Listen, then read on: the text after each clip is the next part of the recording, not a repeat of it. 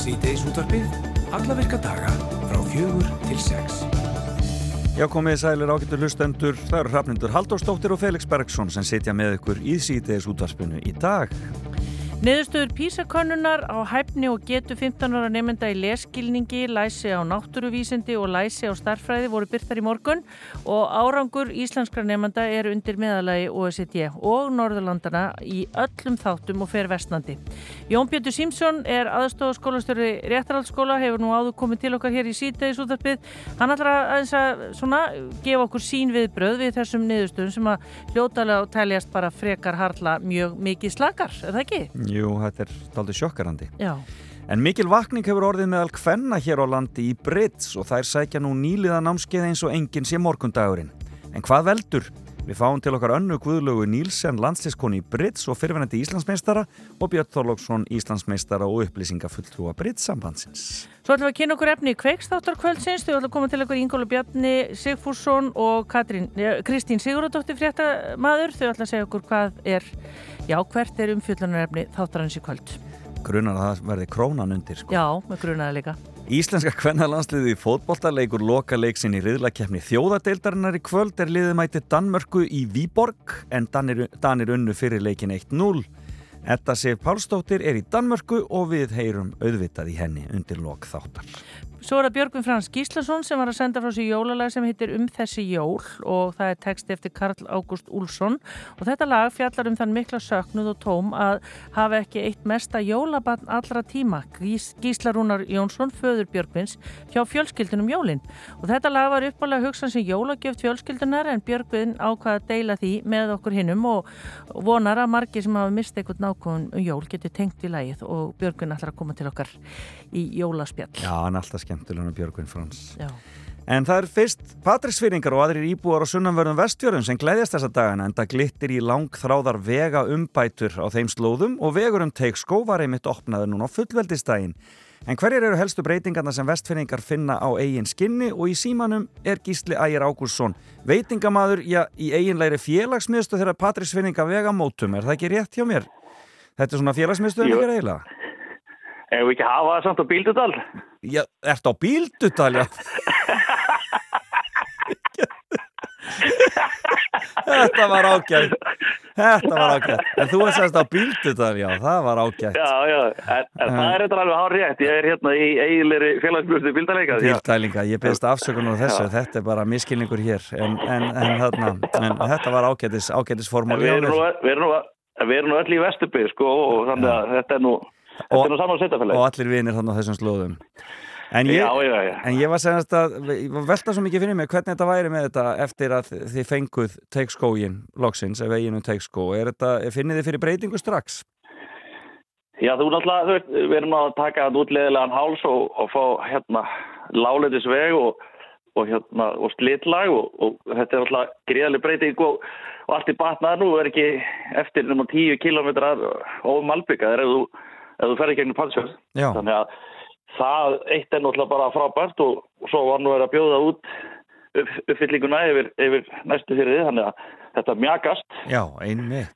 Og, og svo, svo náttúrulega verða að opna hérna fyrsta kaplan líka eða eitt kaplan hérna på dinjandi síðan daginn og þannig að það er að laga dvegur til Ísafjörða líka. Þannig að eftir, eftir hérna áratuga byggði þá er lóksins eitthvað að gera þetta í, í, í vegamálun Já, einmitt, þannig að maður getur, mað getur þá farið að losna við vestfyrska vegavælið hér í öllum frétta tíma Já, já, ég held að það er bara er ekki verið að finna eitthvað annað, er ekki alltaf verið að væla yfir einhverju lagsi Jú, jú, það, það verður eitthvað í staðin en þarna, já, já, það, en um, já, þetta eru sem sagt að verða þá 10 km eftir ómálbygging, en það klárast, klárast hvað eftir 2-3 ár, sem sagt Já, já þá, þá hérna þá fer þetta að verða hérna hægt að koma hérna í, í og sem verður náttúrulega strax skára núna eins og hérna til dæmis bara sömru fyrir fólk sem er að þælast með, með hjólísi eða húsbíla þá er það náttúrulega svolítið skemmtilega að það ekki allt komin úr hillónum þegar þú er komin á tjálsvæði Akkurat það svona og, og, og, og ískápurinn opinn eða eitthvað en ég segja svona en, en já, þetta er náttúrulega bara fyrst og fremst líka bara að, að komast nýra á lálendi, minka þessar fjallvegi, þeir eru nátt leiðilegir hérna hefur viturinn. Já, já, og það náttúrulega bara, já, það getur bara verið hættulegt, er það ekki? Jú, jú, jú, og er náttúrulega ítrekka búið að vera vesen bæði á hjallahálsi og, og ekki síst ótrúshálsi í þessari frægu gröppu brekku hérna þegar flutningabílar og aðri sittar bara fastir, sko. Akkurat. Já. Já, Þannig að hann er hann er alveg snar brattur, sko. En, sko, en, en, en, en, en er, sko, horfið þið fyrst og fremst til túrisman með þetta eða er þetta kannski bara, er þetta fyrir fólki sem býr á svæðinu? Ég, þetta er náttúrulega fyrst og fremst þar sko og mm. bara atvinnulífið. Ég, hér er náttúrulega, við erum sjáarplás hérna og, og hér er fluttur fiskur fyrst, hérna á bílum bæði frá Patseri og, og Bíldal alla daga. Já. Þannig að þetta skiptir þetta líka bara og, og þar fyrir utan fá náttúrulega öll aðfeng líka. Ég er með vestlun og ég fæ, ég fæ öll minn aðfeng landleðina. Já. Þannig að þetta er alltaf bara líka það, þetta er bara örygg í, í flutningu því að oft eru kannski hálsatnir lokaðir þó að sé hægt að gera landleð, skiluru nýra láleitir, sko. Nákvæmlega, ákvæmlega. Þannig að þetta er bara, og þetta gekk allt eiginlega bara undan áallum sem segir okkur að þessi vetur hefur nú verið, já, bara frekar góður og blíður. Já, þetta er náttúrulega búið að vera alveg einstaklega fallist höst, sko. Já. Og bara, bara, já, dásalegt. Ég það er ekki náttúrulega einhverju tvei-þrjú dagar síðan að, já, ég var hérna út á fyrir því hérna ég hópa hvað, nýju núubökum sem eru ennþá hérna því að það er vilt farnir fyrir á höstin þeir fara söður á bóin þannig að allar svona aðstæður verðast nú vera þannig bara sjáaritti aðeins herri vandala og, og bara meira líf. Já, frábært. Og hérna Ertu búin að fara þennan veg sjálfur eða og hérna keira þessa leið eftir að þetta breytist? Ég hérna, nei ég, hann opnaði Ég kom vestur á hérna 15. kvöldið þegar opnaði á höstudaginn. Já, akkurat. en ég, en ég, ég fór hann um daginn, hérna, einhver á nótina þegar ég var að kera. Þannig ég er búin að fara, þó ég með ekki segja frá því. Nei, þetta, þetta var svona af því þetta var á fullveldistaginn og þá einhvern veginn fór þessi frétt kannski ekki drosalega hátt, en þetta eru bara stórar og mikla fréttir fyrir okkur öll bara. Já, já, ég meina, þetta er, þetta er náttúrulega alltaf jákvæðast fréttnar þegar að þegar það er eitthvað svona jákvæðar framfærir sko. Akkurat. Þannig að þetta er, þetta er alltaf staðið dásalegt og það er allir náttúrulega greiðlega þakkláttu bara og, og eins og það segi, spenntir fyrir því að, að sjá fyrir endan á því að, að brúa hérna restina og þá er náttúrulega, þá ertu líka búin að klippa stitta að þessa leið og veist, þá er þetta nú ekkert orðið, hvað ætlir þetta segja ára bíldal, 360, 50, 60 km þegar þverjanatnir eru búinar. Suður hann, já. Þetta, það munar um allt. Briljant, briljant, já þetta er bara er besta mál. Til hamingi með þetta bara og, og, og ég byrði afsökunar að hafa verið sett í orða Patríksfjörn Það er ekki að versta á ég kannski að býða á ég kannski frekar að býða Patríksfjörninga afsökunar að því. Ég held að ég held að ég frekar þannig og þú eru að býða þá afsökunar að hafa kent með við á En Gísli, þú ótt eftir að heyra þennan brandara næstu dag, ég get alveg lofa þetta Við byrjum eins og þess að heilsa vestur. Kæra þakki fyrir spjallið. Takk alveg Allir sé nokkuð svo mikið tríkur hann á milli að... Ég veit það ekki, en ég, ég skal segja þér, ég döðskamast mér að klúra þessu svona En svona getur við skolað bara aðeins til. Já, já, svona er þetta. Herru, við ætlum að tala við Jón Pétur Símsen hér og eftir nokkra myndur um Písakönnun.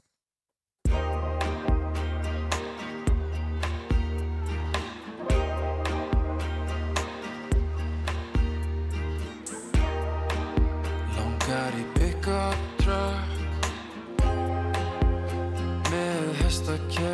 often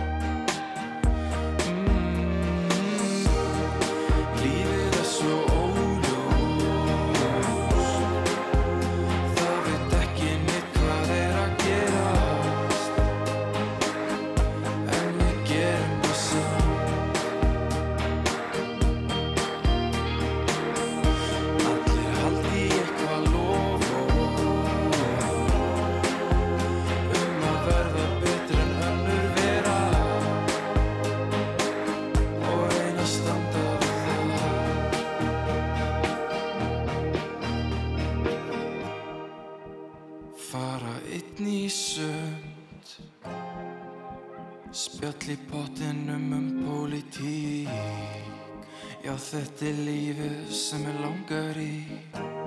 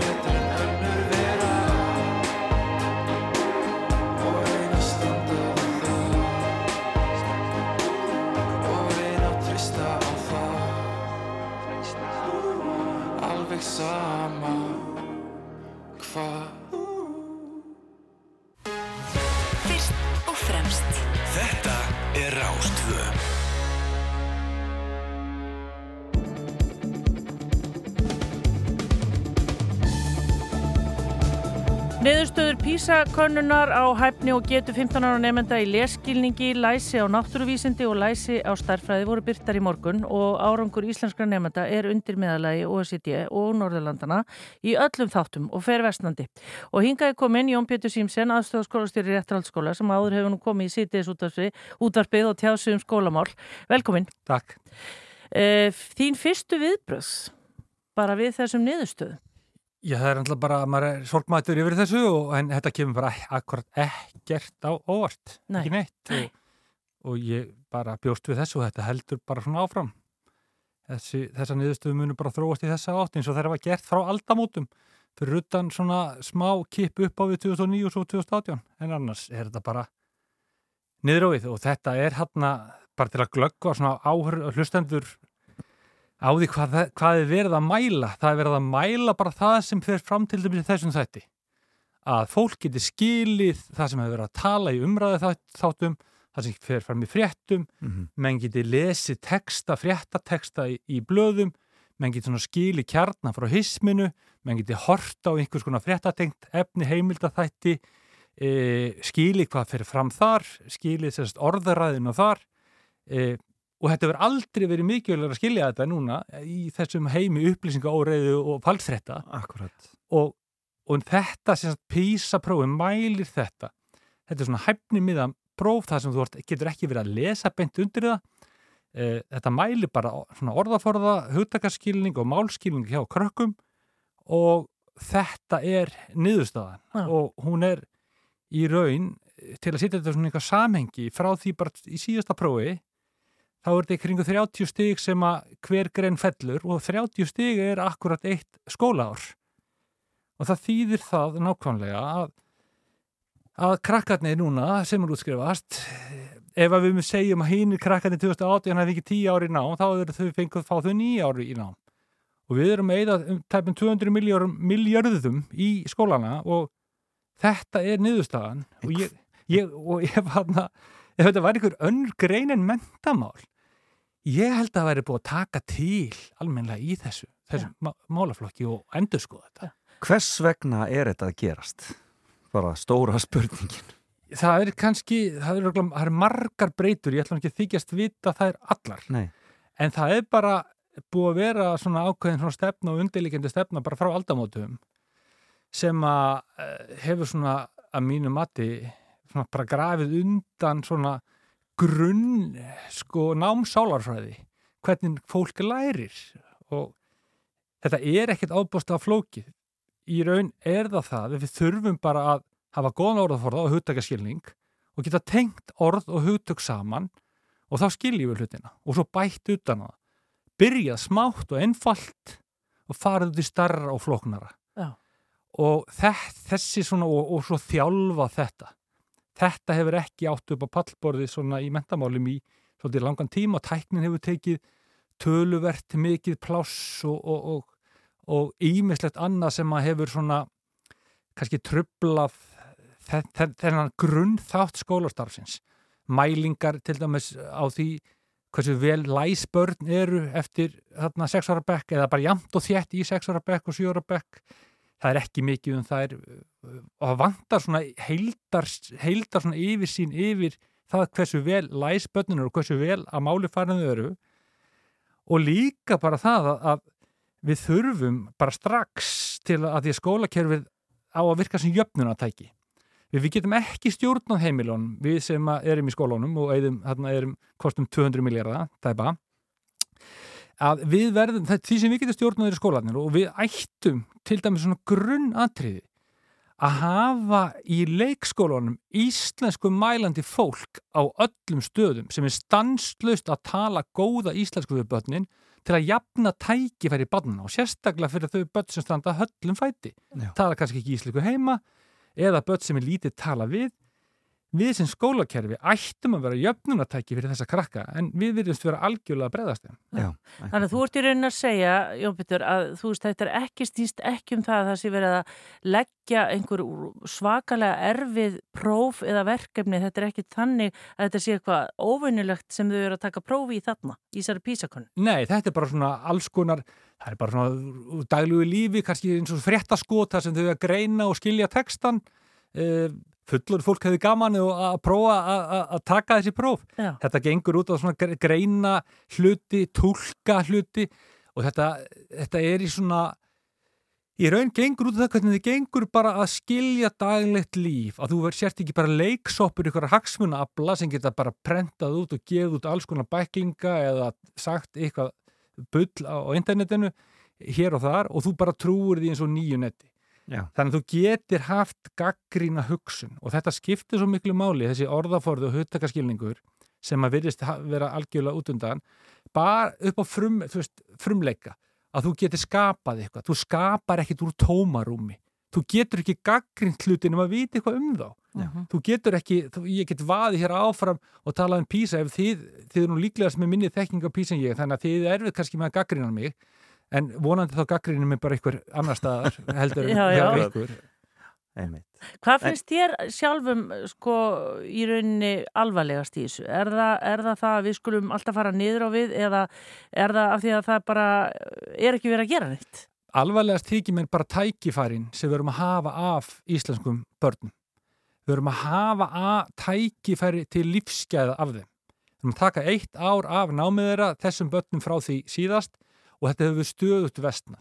Miðið, þú veist, bara OECD. Við, við hefum þetta, okkur á þetta ganga betur. Skólanir okkar voru opnir í COVID, skólar í öðru landu voru lokaðir mjög Mhm, mikið mhm. þannig að við hefum þetta stiga upp í þessu Já. þannig að vandamálur eru ennþá dýbra og alvarlega heldur en hérna er Já. þannig að í raun, það sem ég er mestar áhyggjur af eru bara tækifæri batna til lífsgæða og við uppfyllum ekki grunnskóla lög því að stendur í grunnskóla lögum að eftir tíu ára skildunum þetta er skildunám barna á Ísland, Íslandi í tíu ár og það eru hvað 50 og, og 3% drengja sem geta eh, ná svona grunn viðmiðanum hinn 47% ná ekki grunn viðmiðanum Já. hvaða fyrirtæki eða heilbriðstofnun eða eitthvað sem myndi skila svona árangri Meina, hver, er- hver er sæta ábyrð í þessu máli Nákvæmlega. og mér finnst fólk sem hefur brúðust við þessu núna mér finnst þetta mér finnst að fyrra sig ábyrð Já. þetta, En- þetta er svo alvarlegt En, en þá bara, þú veist, það er ykkur aðan námskrá sem þarf að fylgja. Er það þar sem þarf að breyta því þú segir sko það er lögð mikil áhersla á tækni og eitthvað, ég meina eru bækurnar, er þetta námsefnið, ég meina hvað, af því þú ert kennari, eða þú, þú ert að vinna í skóla þar sem þessi próf eru tekin. Já, Bara- til dæmis námskráin sem er núna, hún, hún er algjörlega meingölluð. Það er ekkert innihald í henni, engin, engin þekking í henni hvað krakkarnir eiga að læra. Þannig að hún er opinn til túlkunar öllum þeim sem vilja. Já. Og þegar það er þannig pottin búið, þá er jafnbræðis ekki gætt. Þú ert með bann sem er í hérna, breiðskóla, þú ert með bann í seljarskóla, bann í réttarskóla, bann á bakkafyrði, bann á söðisfyrði. Þau getur bara að læra bara hitt á þetta. Og það er ekkert jafnbræð, það er engin samræming í því hvað á að kenna. Og um leið ber engin ábyrð á því sem er kent, fyrir nefn á þryggjára fresti, það er náttúrulega engin samrændpróf, það er búið að taka þau út, að þryggjára fresti kemur svona högg, það er talað um þetta í viku og svo bara er það búið. Og menn eru hérna stæra sig alls konar fjölbreyttri, fjölbreyttum kjænslaðaðferðum og námi, en, en það er lítið talað um árangursríkt nám. Og, og Það má ekki mæla, Nei, það, það- en það náttúrulega er, er, er það ekki hluta vandamannu? það, er að, að, eins og þú segir að við erum hægt að prófa, við erum hægt að, vita hvar börnin standa í rauninni. Jú, það er við í stað þess núna, það sem ég myndi vilja, ég myndi vilja að það væri íslensk fólk sem væri eh, talað góð íslensku og leikskólum stanslust við krakkana, sama ætti við um alla kennara á grunnskólastíðinu, að bara strax við sex, í sexara bekk er þið mjög vel fylgst með hverju, og hverju meinum og hann næði góðum tökum á lestir, því að lesturinn er alger undirstafa undir allar aðra námskrinnar á háskólam, lögfræði, mannfræði bifjælevirkjum, þetta er allt, þú þarf að vita hvað blöndun, blöndungur er. En svo er það líka spurningum að, að, að vera réttfær og geta að tjáð sig líka, geta tjáð hugsun sína er náttúrulega gríðarlega mikilvægt Já, þetta, að það, þegar þú ert þetta, þú getur ekki hlustað þetta í gags, þá ertu mjög ólíklegur til að tjá því og þegar þú getur ekki tjáð skoðanæðinar, þá verður þú bitur, þú verður reyður. Þú hefur ekki sjálfstrust til að standa upp og, og rósa og tala um, vel um vindin í afmæli hans eða giftingu. Þú situr uppi með alls konar vondar tilfinningur og líður ekki vel. Þú verður meira einmanna að, að þú, verður ekki að tjá því. Þú ert, finnst, finnst þú ekki vel að máli farin. Og þetta skiptir bara svo miklu máli að fólk geti viðrað skoðanir sínar og viðhorf til að fengi, fá svona fullnægi út úr lífinu og það er partur náttúrulega að því að líði ekki vel ef að þú getur, hefur ekki sérst, þú býrði verið alls konar hugsunum og tilfinningum en hefur ekki einu svona orðin yfir þau Nei. og það kemur bara, þú veist, æ, þú veist, þú veist, þú veist nei, ég veit ekki, Nei. hvaða orð þetta viltu nota? Nákvæmlega. Þess vegna skiptir svo miklu máli að, að krakkarnir þau læri hafi góðan og djúpan orðaforða og það verði svolítið töff að vera með góðan orðaforða og það, það er að tengja orðaforða beint orðaforða og þekkingu því að þekking er líka svona bannorði í námi og þjálfun að þarna, tengja hann við völd því að því meiri orðaforða og því meiri rítfarnir sem þú hefur, því líklegur eftir að tjá þig og því líklegur eftir til að vera trúverðugur og því meiri lífskeður eftir líklegur til að hljóta Já. og því betra líf myndu lifa og því meiri völd sem þú hefur því líklegur eftir til, til að græða pening þannig að þú veist, tengja þetta þannig að krakkarnir sjáu beint samingi þess í stað þess að kunna að klippa saman eitthvað myndband með góðu lægi undir og kynna hérna lofslagsbreytingar á þess að vita neitt um þær en það hljóma rosalega vel og lítur vel út svona umbúðanám eins og ég kýsa að kalla það. Innihaldið er ekkert eiginlega en umbúðin líta vel út og það fólk svona hrósar þessu námi mjög mikið að meðan innihaldið sittur á hakkanum og er aldrei ekki eins og mælt Það er búið að stíga það fram í dag, ég var að lesa hérna aðeins, fullt af, nú kom allir sérfræðingarnir. Það er sko burt með símana og tölvurnar og allt þetta og bara förum aftur í grunninn. Svo er það sko agaleysi og núna höfum við þrjú ár til að hérna, gera eitthvað fyrir næstu könnun. mm -hmm. Hvað segir þú? Er þetta, Já. skiptir þetta einhver? það, það, það þarf sko, við sem sko, sko samfélag þarf alltaf að taka sá við þurfum að hætta að sko á, inn á heimilum að vera á sikkurum stað á heimilinu í sikkuru tækinu. Við þurfum að tala saman. Þar myndast líka heimilis orðaforði ef við erum öll bara í okkar tækjum að fylgjast með hérna, einn á Netflix og einn á YouTube og einn á TikTok þá bara minga samtalið og orðaforðið mingar og bara eh, lífsgæði minga það er eitt, en við í skólanum við ekki, við stýrum þess ekki það sem við þurfum að gera ég tel að við þurfum að hérna, að tala miklu meira yfir krakkana og minka skjáttímana minka það hvað við notum skjái í skólanum því að þar er hérna hver í sínu minna samtal uh, kennar þetta vita minna hvað krakkarnir er að gera uh, Þú ert að tala bara um Sókratesar aðferðina hreinlega. Þú ert að tala um það að þau að koma að lesin í skólan og svo að farið saman í gegnum námsefni. Bara hreinlega á þess að tannan máta hreinlega. eh, þetta er ekkit slæmaðferð Nei. en gott samtal inn í keldustofunni það sem góður kennar, því að góður kennar skiptir svo miklu máli, núna er meira að tala um einhverja gerfigreind og hitta þetta þú þarf að hafa raungreind til að geta nýttir gerfigreind Nákvæmlega. og góður kennari er líkil atriði kennari sem næri einhvern veginn að beina aðtekli barnarna því að það skiptir máli að vita hvað ljóstillífun er. Það skiptir bara raunverulegu máli. Hefur hún áhrif á gróðursáhrif hvað eru gróðursáhrif getur haft skoðun á því og raukstutta ef þú ert kennari sem getur náð aðtekli krakkana inn á þessar brautir og sínt fram á það að þetta muni gagnast þeim til lífsgæði í framtíðinni í staðis að því færi á TikTok-vídeó og fái 15 sekundin endorfin kikki sitt það er svolítið líkillin að þessu. Við höfum að passa okkur á því að það er búið að taka tæknin og liftin á þann stall að hún sé það sem að komi til með að leysa bara kennarinn á hólmi, það er alránt við þurfum meiri mannlega nálgun meira samtal og við þurfum að vinda ofan að þeirri miklu fíkn í þessi ráftæki sem Google, Apple og, og, og, hana, Microsoft hafa náða ánýtti bara nánast alla þjóðina. Þannig að já, aftur skref aftur tilbaka e, til að auðlast bara völd yfir íslenskunni. Töluðu og skrifuðu máli. Ef þú getur talað vel, skrifað vel og skilað það sem sagt er þá ertu ofbúðslega vel settir í þessu samfélagi. Látum þetta vera loka orðin og þetta verður nú ekki loka orðin varandi þessa niðurstöður písakönnunar. Við möttum að heyra margt og mikið um það næstu, næstu dagana og svo er ön- önnur, verða önnur próf eftir þrjú ár og þá er Já. spurning hvort eitthvað hafi breyst. Já, við viljum ekki missa annað ár, mér skusti, það er alveg á hreinu. Það er á hreinum. Jón Pétur Simsen, takk kærlega fyrir komin í takk.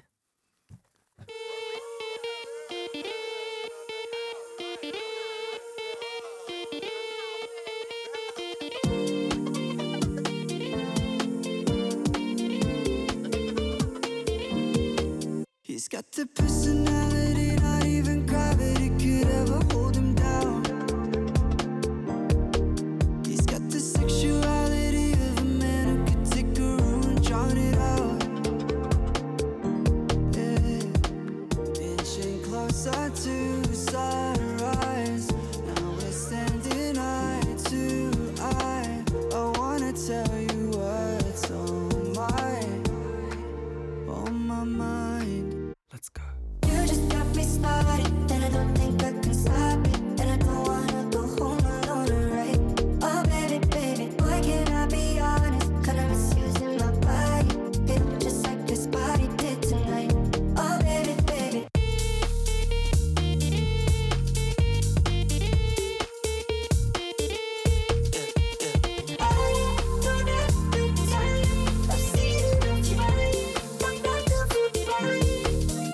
got that hot chemistry, you and me will make it out this house. We should experiment even to the detriment of whoever's on the couch. Oh, yeah. Inching closer to sunrise.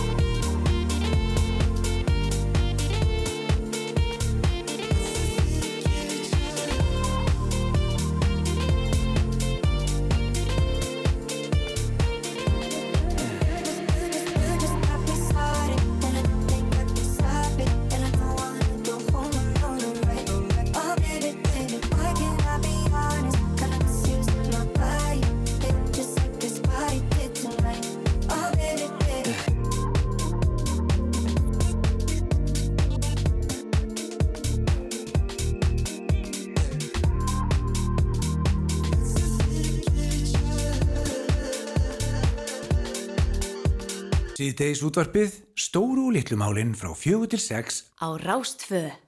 Já, maður er nú eiginlega að jafna sig hérna eftir hann Jón Pétur Símsen aðstóð skólastjóri í réttarhaldsskóla, létt bara gamin geisa hérna. Já, ég vona að þessar, þessi, e, það sem hann var að segja, eigi eftir að vekja aðtikli og, umtal, vonandi og umræðu því að þetta er greinilega, ég meina þetta er bara 30 stig niður á þessum þreymur árum, en náttúrulega bara, eða hvað er þetta, 5 árum, er algjörlega Það er þreymur árum. Já. Þreymur árum, að þau missi heilt ár úr skólagöngu sinni, það er náttúrulega bara, þetta er bara sjokkarandi. Já, mjög. En við ætlum að vera með góðar fréttir af uh, konum í Brits því að það er mikil vakning sem hefur orðið meðal hvenna hér á landi og þær eru nú að sækja nýliða námskeið í uh, stórum stíl og þau eru komninga Anna Guðlaug Nílsen, landslískona í Brits og Íslandsmestari og Björn Þálóksson, Íslandsmestari og, og upplýsingafulltrúi hjá Brits sambandinu. Velkomin. Takk, takk. Takk fyrir. Já, við spyrjum bara, hvað veldur? Anna? Já, þetta er bara, hvað er að segja? Ég veit það eiginlega ekki, hvað veldur? Þetta er bara, þetta er íþrótt sem að fær mann til að hugsa og ég held að það sé bara vitundavakningi í samfélaginu varðandi bæði samveru og fleira og, og hérna við viljum og þetta er svona, Já, slökka bara á Netflix og, og, og, koma sér í, í samskipti á annað fólk. já það er svolítið þannig. En hvers vegna konur? Er þetta þá svona, ef sækja konur styrk hverjar í aðra í þessu eða svoleiðis að kannski fundist kallarnir aðeins of mikið í hrútskýringunum? Já, ég veit það ekki að ætla það sé ekki til að styrkja sjálfa sig líka bara í mögulega ákvarðanutöku og fleira vegna þess að þetta hjálpa manni við að taka ákvarðanir því að þú þarft að, þú þarft að meta spilindin sem þú færði hendunar og tekur ákvarðanar ákvarðanir út frá því hvað þú ert með og það einhvern veginn endur spekla svolítið ákvarðanir í lífinu líka og í bara frama og öðru. Hald, það- halda spilunum að þér og, og, halda spilunum að þér og, og taka ákvörðun um það hvað þú ætlar að gera hvort þú ætlar að stökkva á það að fara í geimun sem maður segir og, og taka og fara all in eða hvort maður ætli bara þú veist að taka aðeins að sér og halda sér höndunum og býða í smá stund þú veist þetta er svona þetta er klókur. maður þarf að vera svolítið klókur og maður þarf að hugsa svolítið í þessu og pæla aðeins í hvað maður ætlar að gera og aðeins nokkuð skrif fram í tíman svona sem sambarlegt við skák Já. En Björn, er, er, er brittsambandið, ég menn, er þið búin að vera eitthvað að geta mikið fyrir konum með það?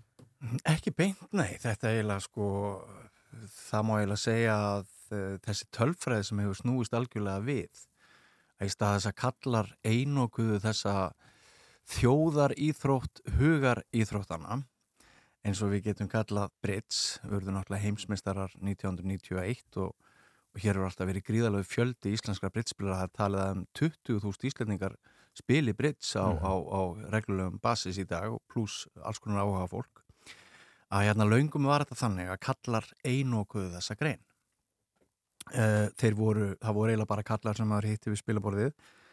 Ég man eftir önnugullu þegar hún var pínulítil stelpa með pappa sínum.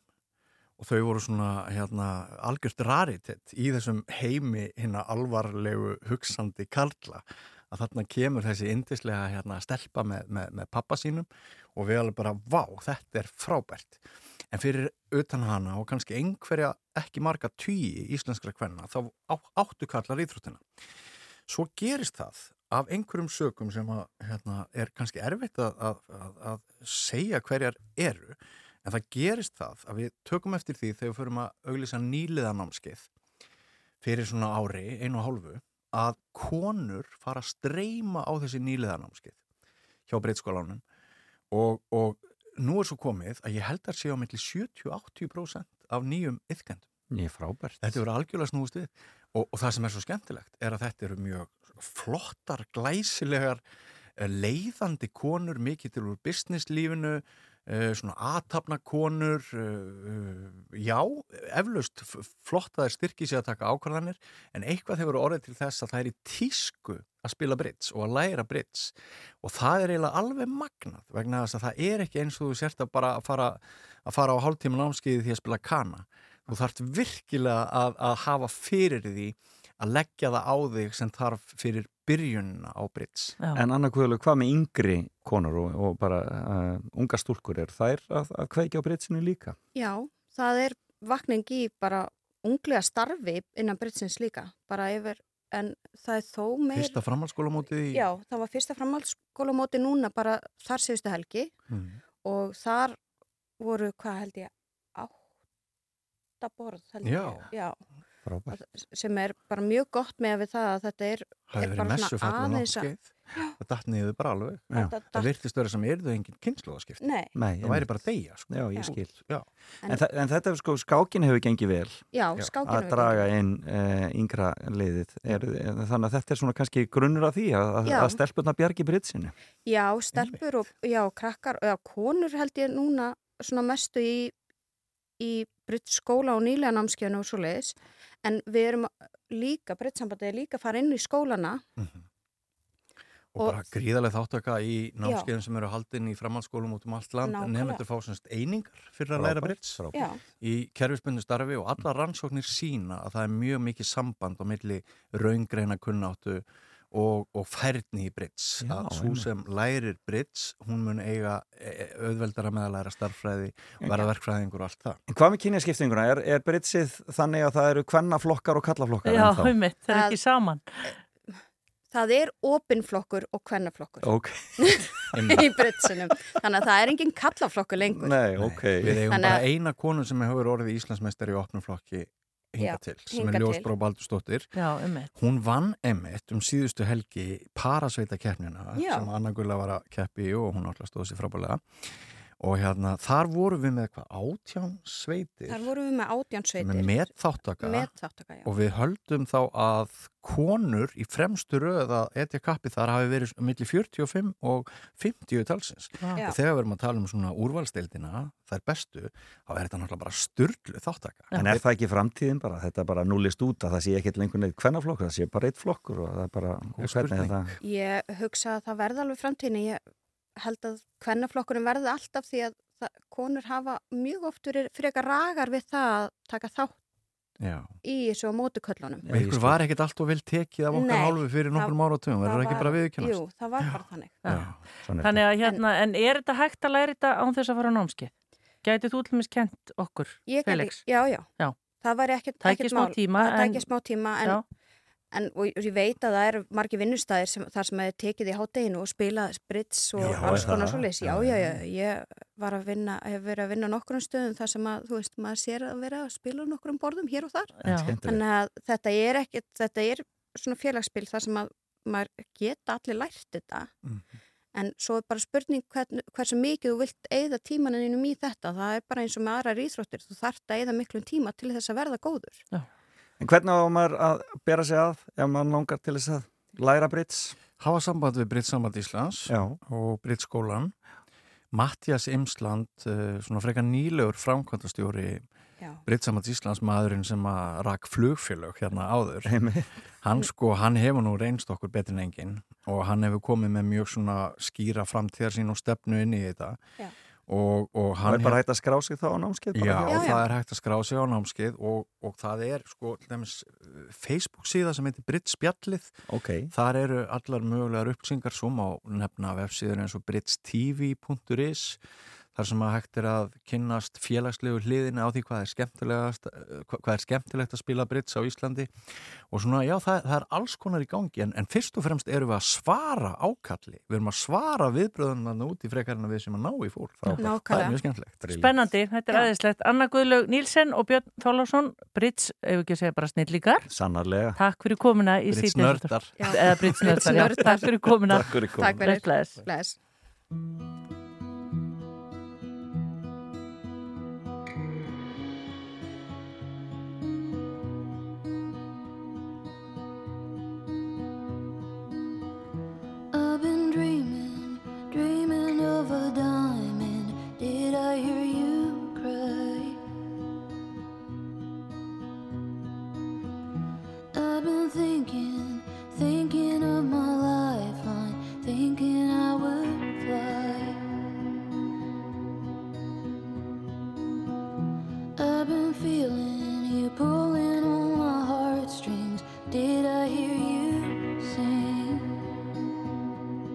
You did it.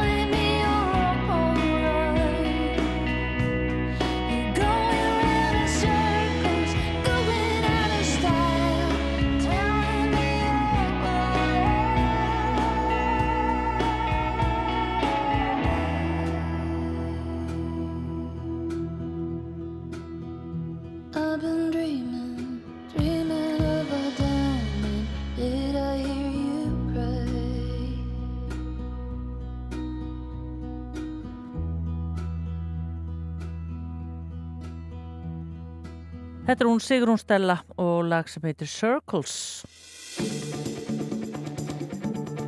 Já, við erum í CDS útarpinu og það fyrir að líða að fimm fréttum en hér eftir fimm ætlum við að um, heyra í fréttamannum Kveiks. Já, um það sem að framöndan er í Kveiks þætti kvöldsins. Já, svo kemur til okkar Björgvin Frans Gíslason, með nýtt jóladag emitt. og það er nú svona sorgin svolítið sem er undirliggjandi þar þetta er svona, þetta er svona ljúfsárt. Já, og svo er það Íslandska kvennalansliði sem er að leika við okkar fornu fjendur Dani í kvöld við finnst við alltaf að vera að keppa við Dani Alltaf eða að Króati. Já, já, já Dani eða Króati. Stundu svolítið að tapa fyrir dönum og Króati en það er annar mál Já, við ætlum að heyra í Eddu Sif Við ætlum að taka þetta í kvöld sko. Já, en það er sagt hérna að koma tilkynningar og fréttir og svo heldum við áfram í sittiðsúttöfnu eftir smá stund.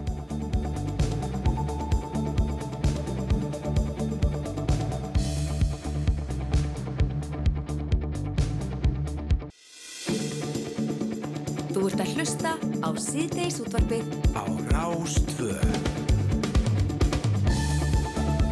Það er kveikur og dagskrá uh, í kvöld, enda þriðu dagur, annarkvæð þriðu dagur er kveikur og dagskrá.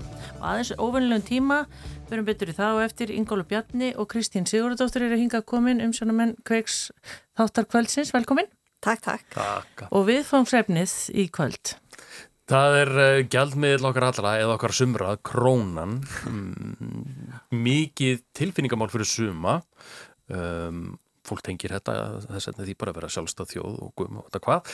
Við ákveðum að skilja þetta allt bara svolítið fyrir utan og einfallega einblýna á krónuna sem gjaldmiðl. Það er að segja bara verkværi sem við notum til þess að greiða eða taka múti greiðslu og velta fyrir okkur, ok, þetta er nú einn minnsti gjaldmiðl í heimi og sannlega uh, hafa menn rækið ímsa kosti og galla til þessa, hvað stendst og hvernig nýtist þessi króna, hvað kostar hún kannski til dæmis bara heimilin? Það var nú bara verið að ræða það í um, síðust, um síðust helgi í einu dagbladana um, um mikilvægi gengisfellinga Einmitt. Kemur þetta inn í hérna? Jú, við einmitt skoðum þetta. Því þetta er svolítið að tala um hvernig við getum nota krónun til þess að hjálpa okkur upp úr áföllum og þá er gengiláti svolítið bara að gossa og, Mhm. og við fyrir svolítið að skoða þetta. Það er ekki allir, eða öll á sama máli þegar kemur að þessu. Hagfræðingar er ekki sammála. Þannig við erum svona aðeins að velta ykkur fyrir því. Og, og velta fyrir ykkur sko hvað, einmitt, kostar heimilin að vera með krónuna? Er til dæmis eins og verbulgan? Er það eitthvað sem er alltaf bara beintengt í íslensku króninni? Að því að verbulgan er meiri hér heldur en annars þar? Og við spurðum hana Katrín Ólastóttur Hagfræðing aðeins út í það, hlustum á það. Hvað varðar krónuna og verðbólguna, þá hefur náttúrulega fyllt krónunu í gegnum tíðina að það er mikil verðbólga. Bara horfum á söguna. Það eru fáir sem að hafa leikið það eftir að vera með 30% verðbólgu á ári að meðaltali í 20 ár. Þetta höfum við afreikað. En þetta þarf ekkert að vera svona. Ef við förum okkur hægar, ef við tökum uh, minni skref, pössum upp á það, hér verði ekki þensla að þá getum við alveg verið með krónu og lægra, lægri verðbólgu. Það er alveg hægt. En það krefst meiri aga í okkar hagstjórn. Þannig að við getum alveg verið með svipaða verðbólgu á efrisvæðinu með okkar eigin gjaldmiðl en það setur okkur meiri kröfur sem að væri alveg sama og ef við tekjum bara gjaldmiðl það myndi setja okkur meiri kröfur. Þannig þetta er alveg hægt. En við höfum bara aldrei sínt að við getum það. Það er vandin. Og svo fyrir við líka út í þetta eins og nefnir Felix, þetta krónan sem hagstjórnartæki, uh, þessar fullerningum að hún sé svo frábær, hún hjálpa okkur upp úr krísum og hitt og þetta. Uh, er það rétt? Uh, af hver gerur hún það? Hverjir eru kostir og gallar og, og, og kannski líka ef að krónan er svona geggjaður gjaldmiðil, af hverju hafa þó svona mörg stór íslensk fyrirtæki fengi heimilt til þess að gera upp í erlendu gjaldmiðli sem hljómar ótrúlega tæknilegt en það þýður raun og vera þessi fyrirtæki eru eiginlega svolítið komin bara í, í annað hagkerfi gengis sveiflunar fara svolítið fram hjá þeim þessi svona mm, dramatísku ókostir sem enn stundum tala um við krónuna þau sleppa við á að Já. mjög stórum hluta mm. þannig að ef að uh, af hverju kjósa fyrirtæki að gera upp í öllum gjaldmæli ef þetta er allt bara frábært. Já, þannig að þetta er hápolítist mál. Náðu þið að sneiða frá, fram hjá politíkinni? Engi flokka politíki þessu, við faglega fram í því, en erum svona mest, sko, meira að minna að bara horfa á heimilin. Hvernig finnum við þetta okkar á einbyttu? Mm -hmm. Til dæmis hafið þið nýlega verið í útlöndum, borga kannski með greiðslakorti þá er ekki bara það að gengið er svona alltaf svolítið óvissu ferð, maður veit ekki hvernig gengið verið þegar maður borgar svo vísaringjun eftir, en svo ofan á bara gengið er eitthvað sem heitir kort, korta gengis álag. Mm -hmm. Þannig að þá borgar meira bara fyrir það að draga kortið sko Já. og þetta er allt svona ógagsa, þetta er ekki listabend upp í verskrambankana, getur við svo flett upp korta gengi en maður er kannski ekki alltaf að því hver skipti sem maður eru upp kortið einhver staðar í einhverju búð sko. Þannig að það er kannski hagstaðara bara hreinlega að taka sér gjaldir bara og vera með pening bara í vasanum hreinlega. Getur verið það, það er sem þú ert á ferði í löndu sem að þá eru til í að taka órættir á móti seglum en, en ef þú ert í netverslun til dæmis erlendri eða ert að nota greiðslukort erlendis þá borgar hún veru mm -hmm. í hvert skipti álag og á það sem ekki engi kostar mm -hmm. og það er alveg dágóð uh, summa á ári, við bara, bara skoðum það um, það eru næri 7 miljardar sem að bara svona heimilin borga. Um, og þetta tiltakna álag þekkist í þessari mynd eiginlega hverki annar staðar allavega ekki í svona hátt álag eins og við borgum hér. Já. Áhugaverður kveikstáttur í kvöld og hann er á ofinnul tíma út á landsleik. Við ætlum um þetta heyri Eddur Sigur Pálstóttur hér eftir smá stund. Já, 20 mítur í nýju þegar að landsleikurinn er búinn ef hann svona klára staðilugum tíma sem við gerum ráð fyrir að gera Áhugavert. Krónan til umfjöldunar í kveikstætti kvöldsins. Kristín Sigurðardóttir og Ingólu Bjarni, takk fyrir komuna. Kanski er hún einnar mínútu laung á verðlægi dagsins í dag Það er eftir því hvert þú spyrð hvað hann vinnur og gerir hvað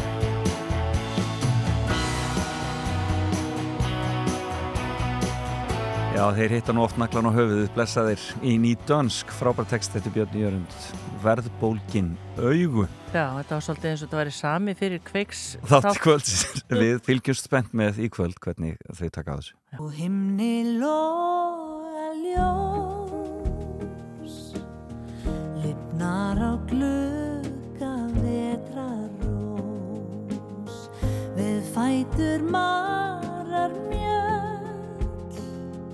Máninn rís Úr fjarska berast hlátra sköll Prúð við sitjum hlið við hlið og hefjum enda lausa byrð. Allt er hljótt en síðan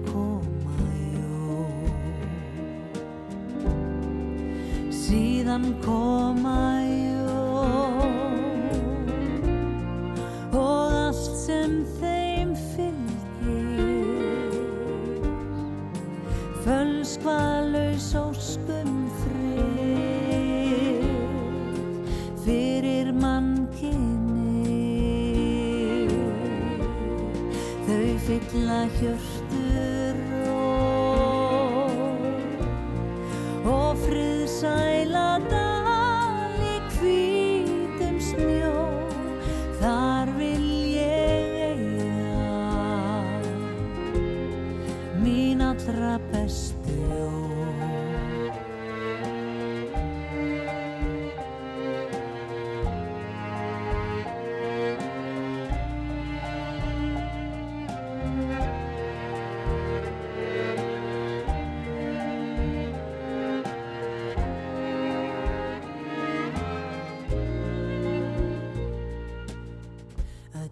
eftir væntingin í augum speglast stjörnuskinn eldúsið undir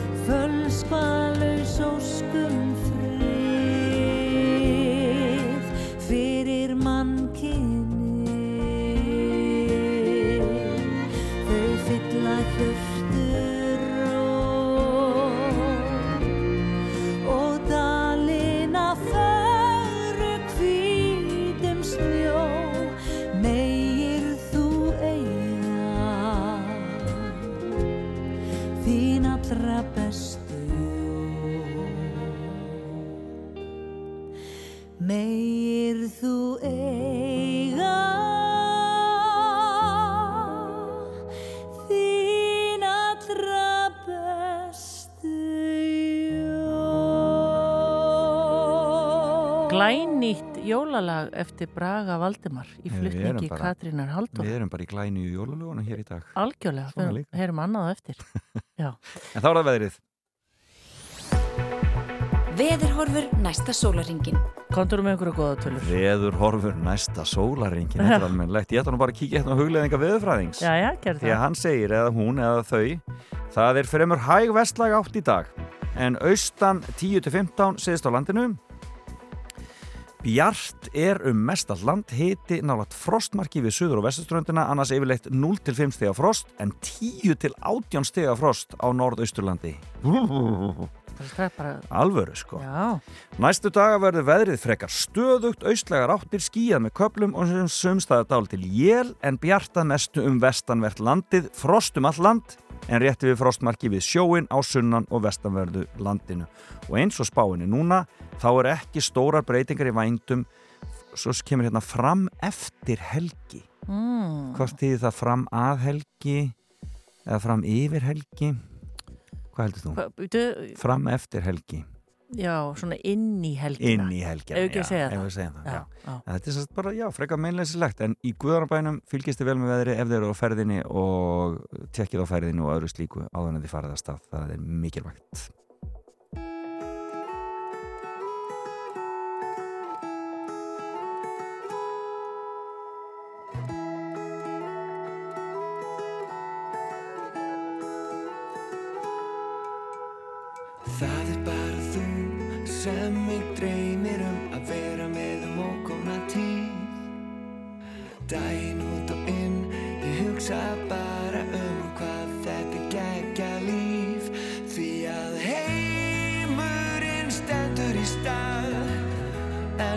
brosið til mín, þú ert það eina sem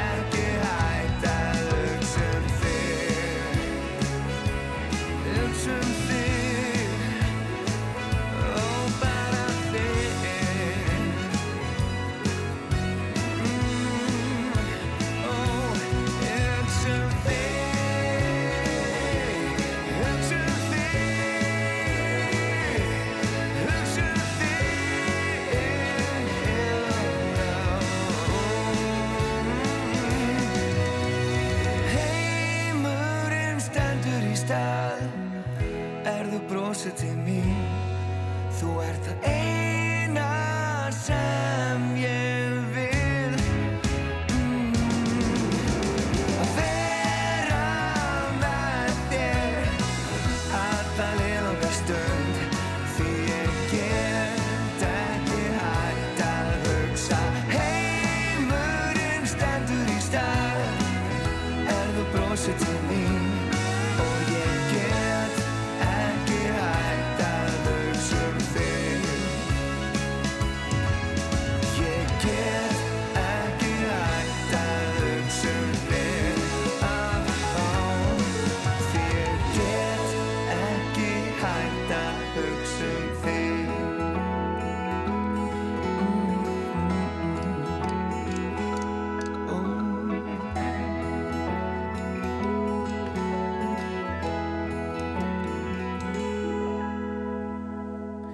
Hljóma það, þetta var reymur frábær að vanda um, En við erum komið góðan gest hér í uh, stúdíó til okkar Já, það er, er það jólasveit? Það er jólasett, sínist Hó, hó, hó.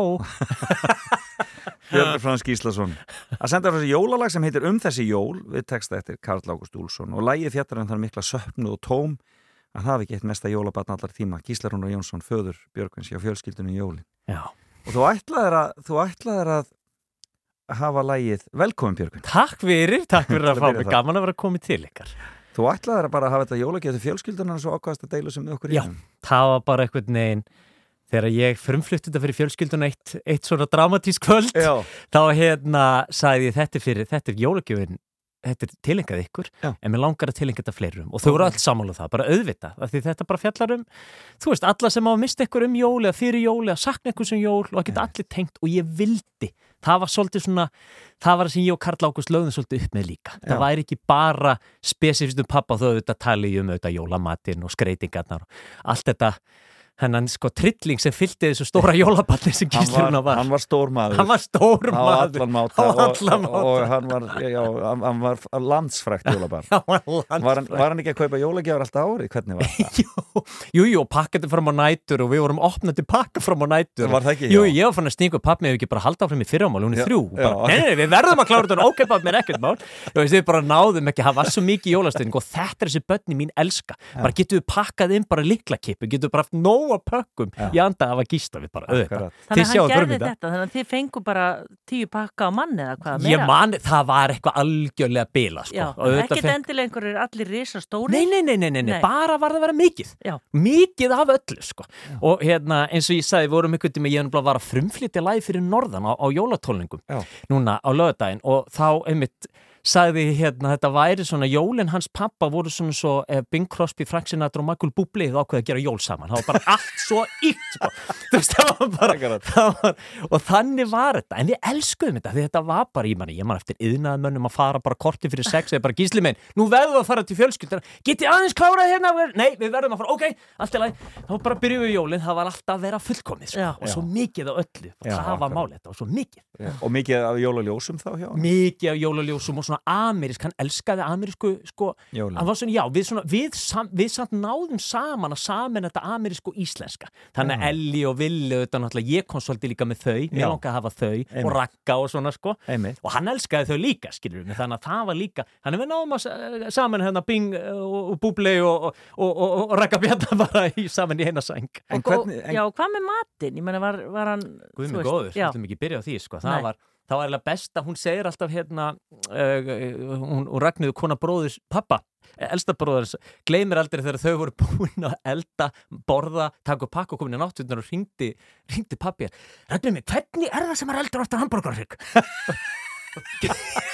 Þá var verið Þá að henda hrygg þá var verið að henda hrygg í opnin í opnin einhvers það er ekki 10-11 Þetta er alveg að við vorum bara vakið, bara, það er matur, ok, og svo sopnuðu aftur, nú eru pakkar. Að þetta var svolítið stemningin, Já, sko. Og hann, Ertu, ertu, eins? hvað segir þau? Ég, ég, ég leifi börnunum að haldi þessa hefði, já nákvæmlega, ég er að reyna að vera pínu svona, hóvarari, sko, Já. veist, en auðvitað haldi gleðina, sko, þetta snýrst alltaf um gleðina. Þetta snýst um gleðina snýst um En gleðina, hvernig voru fyrstu jólin eftir að hann var farin?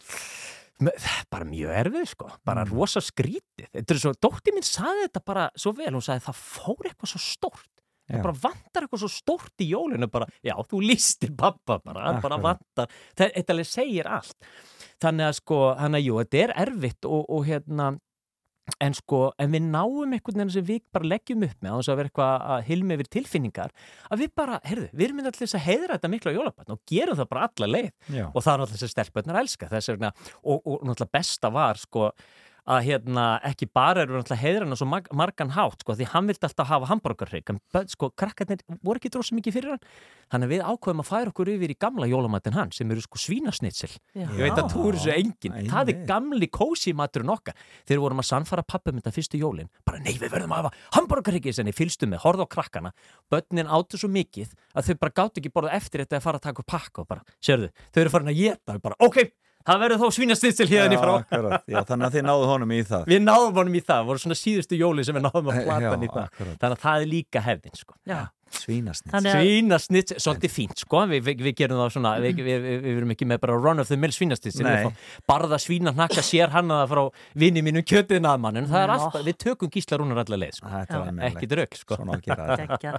Þannig að lægið er eftir Herðu, það er eftir Barry Mason og Les Reed, þetta er gammalt lag Ok. sem að bara búið að öska, það búið að æpa á mig í mörg, mörg ár ég vissi alltaf þegar var vera, þegar að eftir á mig var eitthvað stær, þá á að missi, það er um söknu en bara kom aldrei til minn svo bara pappi dó, bara, ok, ég veit nákvæmlega um hvað lagið á að vera. Já. og ég dældi inn sko bara öskur grátandi til Kalla Úls, bara Kalli, ég veit um hvað að vera. Og bara, og ég, bara, og ég ákveð bara greta inn til hans, bara þetta og verður þetta og þetta og, og veistu, bara allt sem að er í laginu bara hann bara, elsku Björgu mín, ég skal bara gera mitt besta.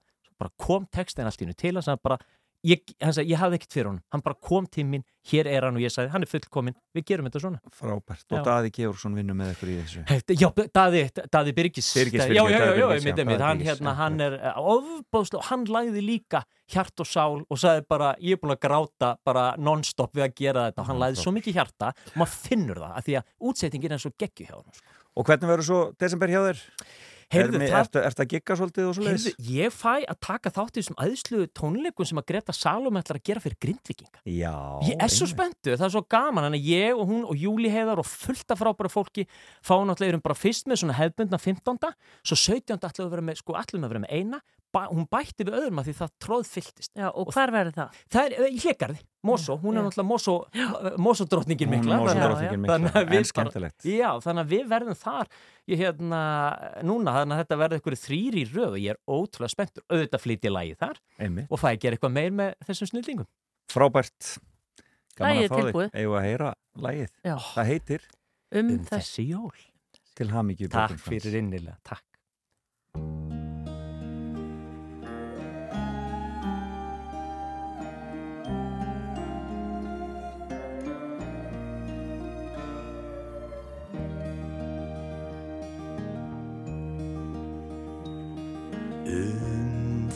þessi jól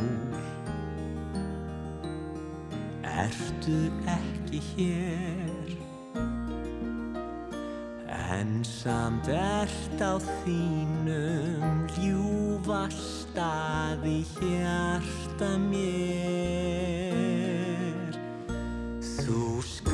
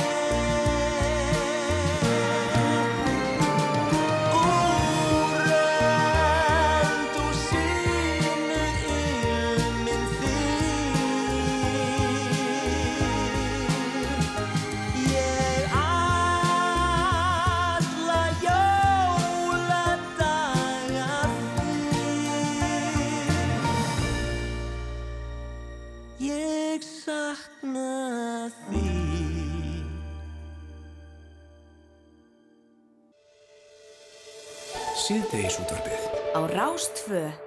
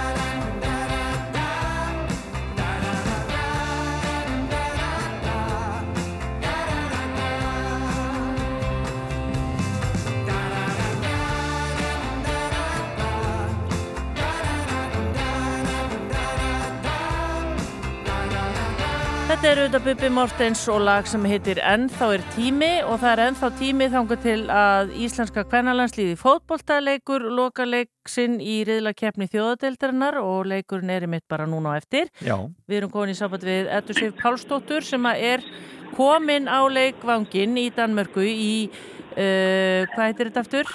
Í Víborg. Víborg. Sæl og blessu þetta. Hæ, þetta Sif. Sæl og blessu, hvað segir þið? Við segjum gott. Hvernig er veðrið í Danmarku? Heyrðu, þetta er þetta klassíska svona fallegt en kast, það er alveg suttalega kast og ég er í öllum fötunum sem ég tók með mér í þessu ferð, en ég er klár. Það er gott, í öllum fötunum þínum. Það er nú gott. Heyrðu, en hérna, um, er voru nú sterkar en við í leiknum sem að það er unnu hér heima, dansku stelpunar. Hvernig líst þér á þetta í kvöld? Já, það var nú satt alveg svona má deilum það. Það Já. er einhvern veginn að tala um að þær hafa verið ánæðan með framistöðunum sína í þeim leik og viljað fá meira út af þeim leik en, Ok. en þær gerðu. Þannig þeir skoruðu þarna sigur marka á 71. mínútu minni. Akkurat, Og akkurat. það, það var svekkjandi eftir þann leik og ég veit að þær vilja einhvern veginn nýta sér það hérna í kvöld. Danirnir eru líka alveg að berjast fyrir efsta sætir fyrir þær verða vinninanleik. Já. Þannig að við erum jafnvel svona vonað að verða eitthvað svona spenna eða, eða stress í þeim sem að gæti nýst okkur. Já, við getum kannski skemmt svolítið partíi fyrir þeim, mennur við. Já, það er svona, ég vil ekki segja það en, en þú sagði það. Já, allir læn. Þetta er svona þannig leikur. Þetta er svolítið þannig leikur. En líka, en það skiptir samt máli og þau hafa lagt, og Þorsteinn hefur lagt áherslu á það, að það sé mikilvægt að ná úslitum þó það sé ekki nema bara til þess að bæða að hækka sig á listum og fá þá auðveldari leiki í framhaldinu, eða ekki? Jú, það er alltaf verið að hugsa um framhaldið eins og segir, hann talar um að öll stig skipti máli og, og það er þannig. Við viljum komast ofar á heimslistan, við verðum, viljum líka vera ofar fyrir drátt fyrir Evrópukeppni og, og allt þetta. Akkúrat. Líka þannig neginn bara, ég veit að hópin langar að enda þessa keppni vel. Þú veist, þetta er búið að vera svolítið svona upp og niður, uh, leikmenn dottið út, breytingar á liðinu, breytingar á leikkerfi og nú er bara komið aðeins sem loka leik og það væri eitthvað svo gott að að enda þetta vel. Já, en hvað hérna, er stemning í Danmörku? Er, er hérna, sérðu það, er, að- er að hrúast inn á völlin?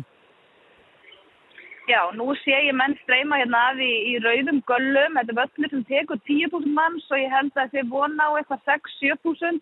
Það er verið að draga fram pulsuvagnana hérna og ég veit ekki hvað, hvað, skemmtileg tónlist og bara þrælum ekki fjör, sko. Ásannlegt. Já, og leikurinn er í beinni útsendingu á RÚF, er það ekki? Hefst klukkan 18.30?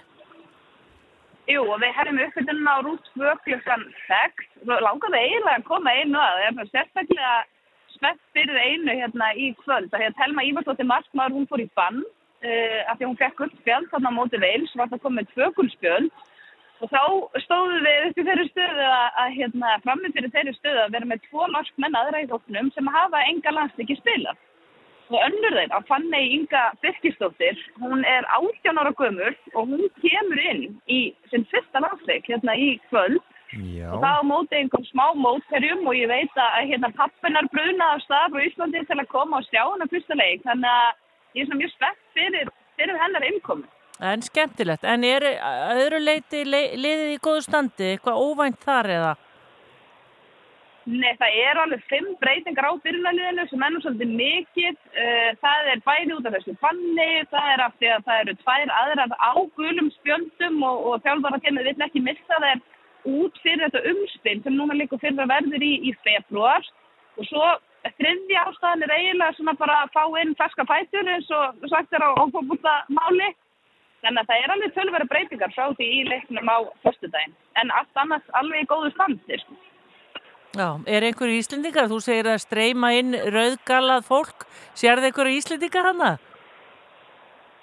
Sko, ég er búin að rekast á einn, veit að það er að koma allavega svona cirka 40 sem tengjast stelpunum og svo er spurning hvað fólkið sem að, jáfnvel býr hérna í grendinni gerir. Ég gæti ekki fengið sko tölur yfir hversu margir það væru, en ég held reyndar að það mættu alveg vera fleiri sem að ættu nú að drífa sjá völlin og búa nú margir Íslandingar í, í Danmörku.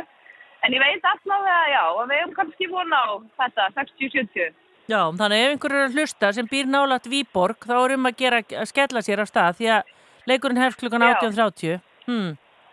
Já, þegar var alveg tíma til þess og ég er bara hvert fólk til að mæta eða, eða annars fylgjast með hjá okkur. Er það ekki, er það ekki 1930 þá í Danmörku? Jú, jú. Jú. Er. Kærar þakki fyrir spjallið, Edda Seif, og við bara byggjum fyrir kærar kveðu til landslýsins, segjum áfram Ísland og við tökum þetta. Tökum þetta í kvöld. Ég skila því. Áfram Ísland. Áfram Ísland. Bless, Takk, takk, bless. Og það, og það er Úlfur Úlfur sem taka við hér nýja lagi þeirra sem heitir Þú hér. Þetta er alvöru pop.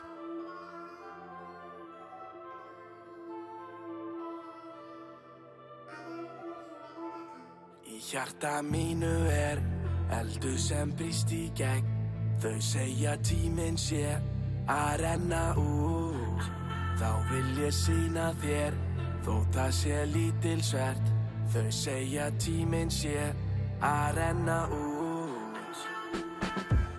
Draumar taka skjótan endi Opna augur varlega og ég sé þig. Ég á minningar um góða veðrið Sumarið og orðin sem að ég stend við.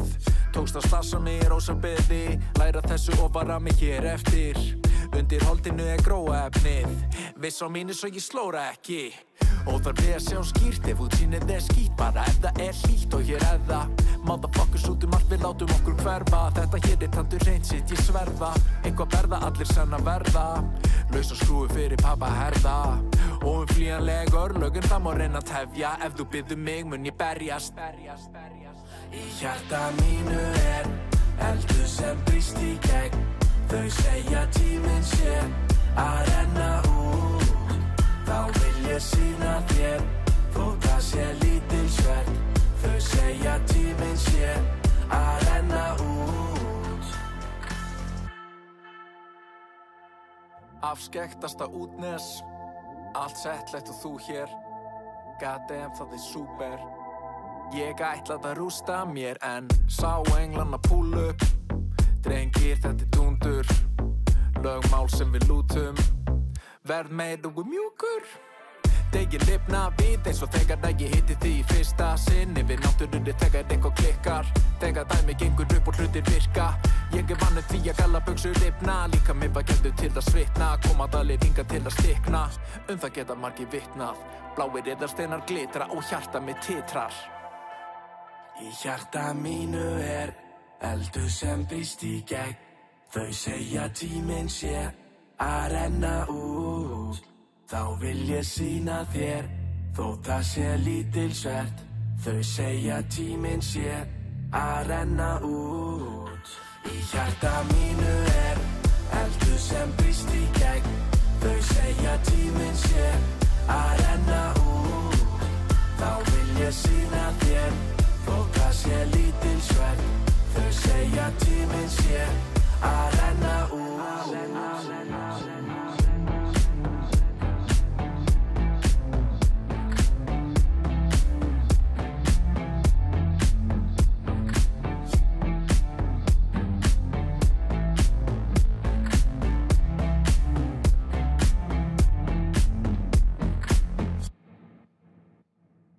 Þannig hljómaði það. Já. Úlfur, Úlfur hérna á ferðinni.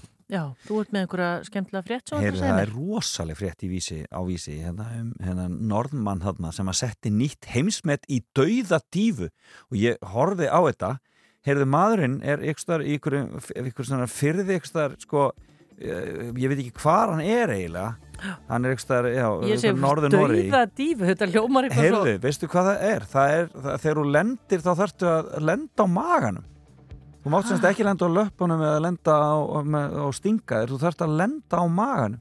Nema maðurinn stökkur 40 metra hæð, ég var aldrei séðan aðeins. Þetta er sko, ég horfði á þetta bara á, á, á TikTok eða eitthvað og þetta er bara þetta er náttúrulega bara ekki í lægi þetta er náttúrulega bara einhver dauða ósk sko. Menn er, er, er í að að lagi, ég segi bara, er í lagi með mannin Heyrðu, ég er bara sjaldan séð annað eins Ah, en hann er aðeins rauður. annan eins mann hann er er rauður á maður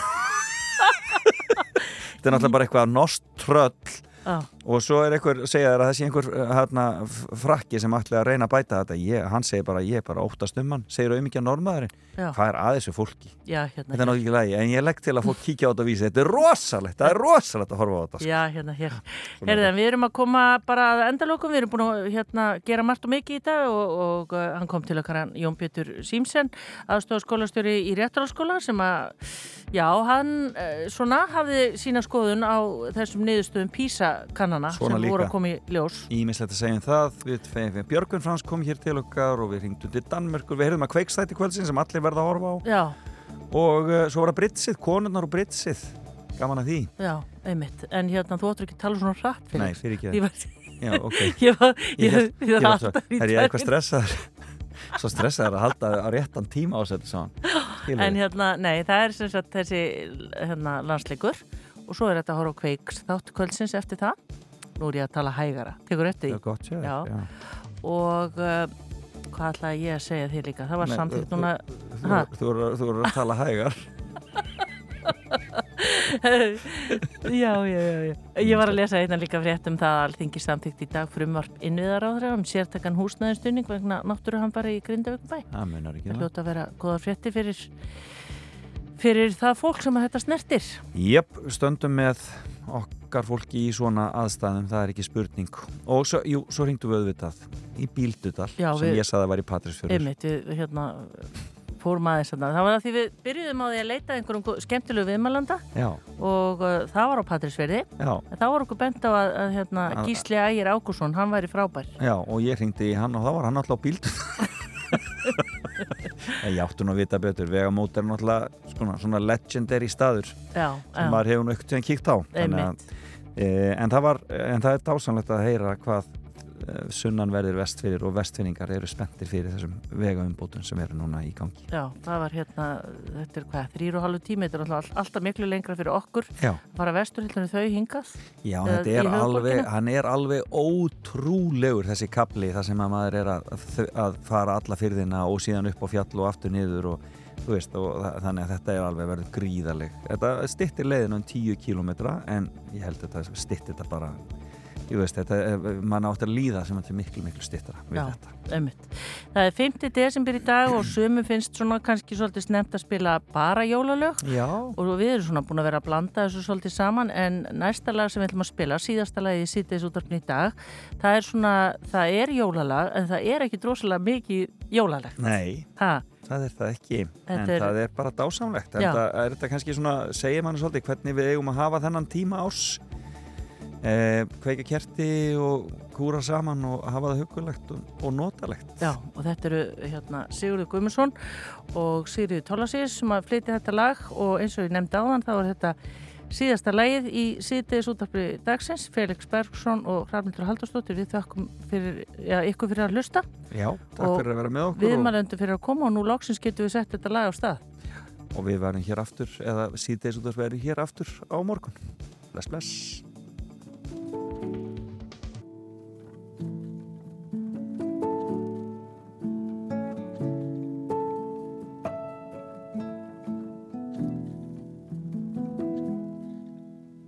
Það er náttúrulykt í náttmyrkrinu, það er nokkuð aukt á veginum.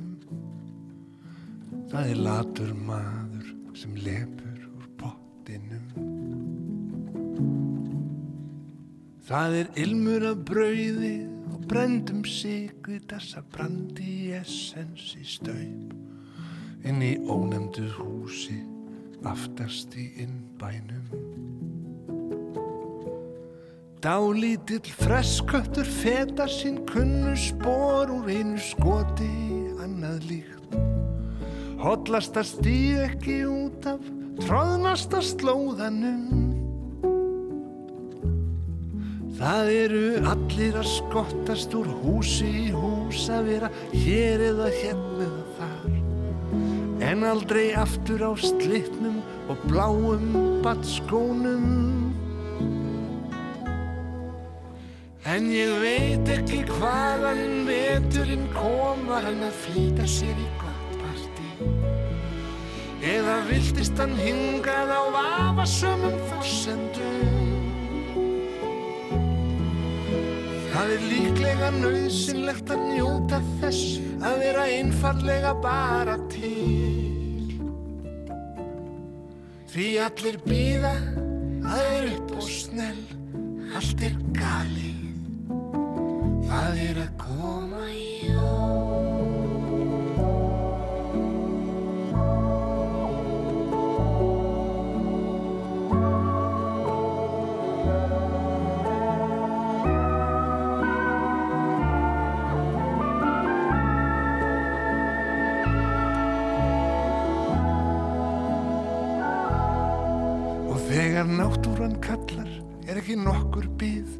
það sé nöðsynlegt að fá sér smók. Hvort sem nákvæmlega eða sirka bát ert alveg klár. Þér er ætlað að hoppa, þá hoppir þú út á hafið eða inn í skáp. Það er ekkert stress, þú hefur allaveg út þetta Og kissi finnur sig í þessum fáráða tíma þá er fristiklistan tæmast má. Og feta sig fram og aftur sína tróðnu braut. Og allir skreppa upp, já eða springa út og eru annarkvort hér eða þar.